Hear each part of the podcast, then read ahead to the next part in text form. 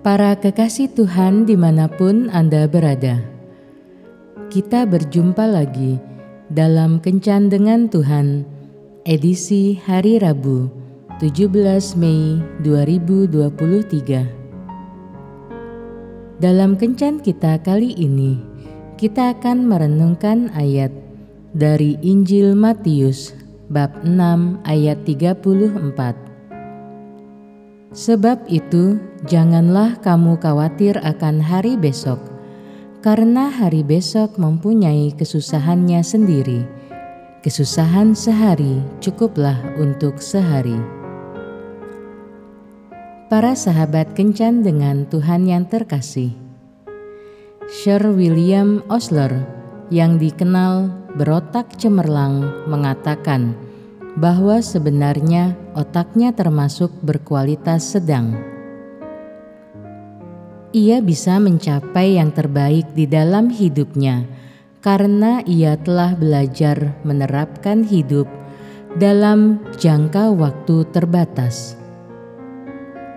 Artinya, kita harus menutup rapat-rapat pintu belakang dan pintu depan salah satu hal yang sering menyiksa manusia sehingga tidak bisa menikmati kehidupan ini adalah kebiasaan membiarkan kesedihan serta kekecewaan masa lalu atau pintu belakang dan khawatir memikirkan hari esok atau pintu depan. Kita harus belajar memahami apa yang dikatakan Yesus dalam Matius bab 6 ayat 34. Sebab itu, janganlah kamu khawatir akan hari besok, karena hari besok mempunyai kesusahannya sendiri. Kesusahan sehari cukuplah untuk sehari. Bukankah kita sering kali begitu menenggelamkan diri di dalam kesedihan dan kekecewaan? Dengan memikirkan kegagalan kita dan perbuatan jahat orang lain lakukan kepada kita di hari-hari yang lalu.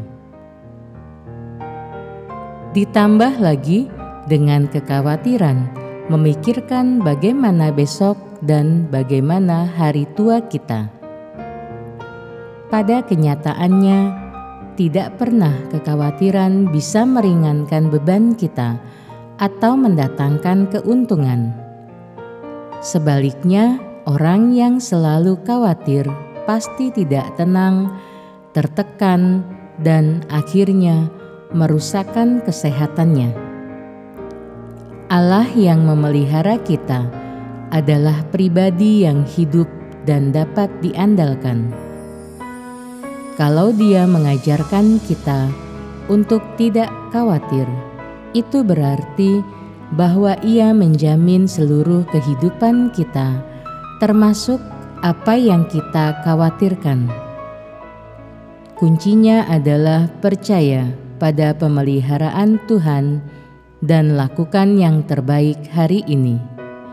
Tuhan Yesus memberkati.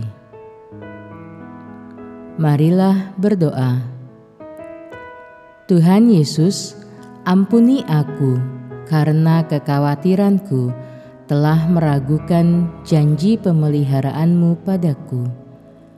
Ajarilah aku untuk mau mempercayaimu sepenuhnya, sehingga dalam keadaan apa pun juga aku tetap punya pengharapan untuk hari esok yang lebih ceria. Amin.